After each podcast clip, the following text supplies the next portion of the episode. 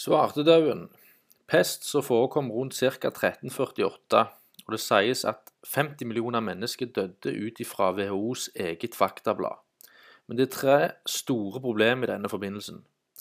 Det første er at ingen rapporter om massedød av rotter fra arkeologiske utgravninger i storbyer som f.eks. London har forekommet.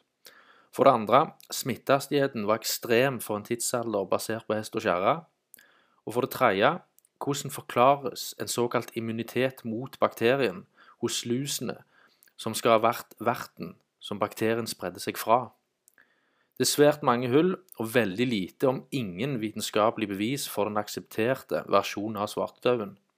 Det har blitt en kontinuerlig repetisjon, dogma, som på ingen som helst måte holder mål. I den forbindelsen kan professor Mike Bailey trekkes fram, en dendrokronologist som har reist verden rundt og sammen med sin forskningsgruppe har han kommet over avtrykk på trær som stammer fra perioden svartedauden. Avtrykkene ses i åreringene og går igjen som en rød tråd uavhengig av verdensdel og lokasjon. Gjennom geologiske kjerneprøver har de òg påvist at rundt år 1348 så forekom et stort jordskjelv, og flere jordskjelv både før og etter, alt i samme periode.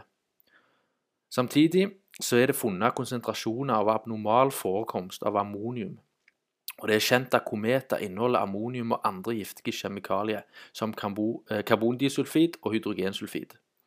Konklusjonen er at på den tida passerte en komet, hvorav kometavfall rusta jorda og la igjen et slør av gass og partikler i atmosfæren.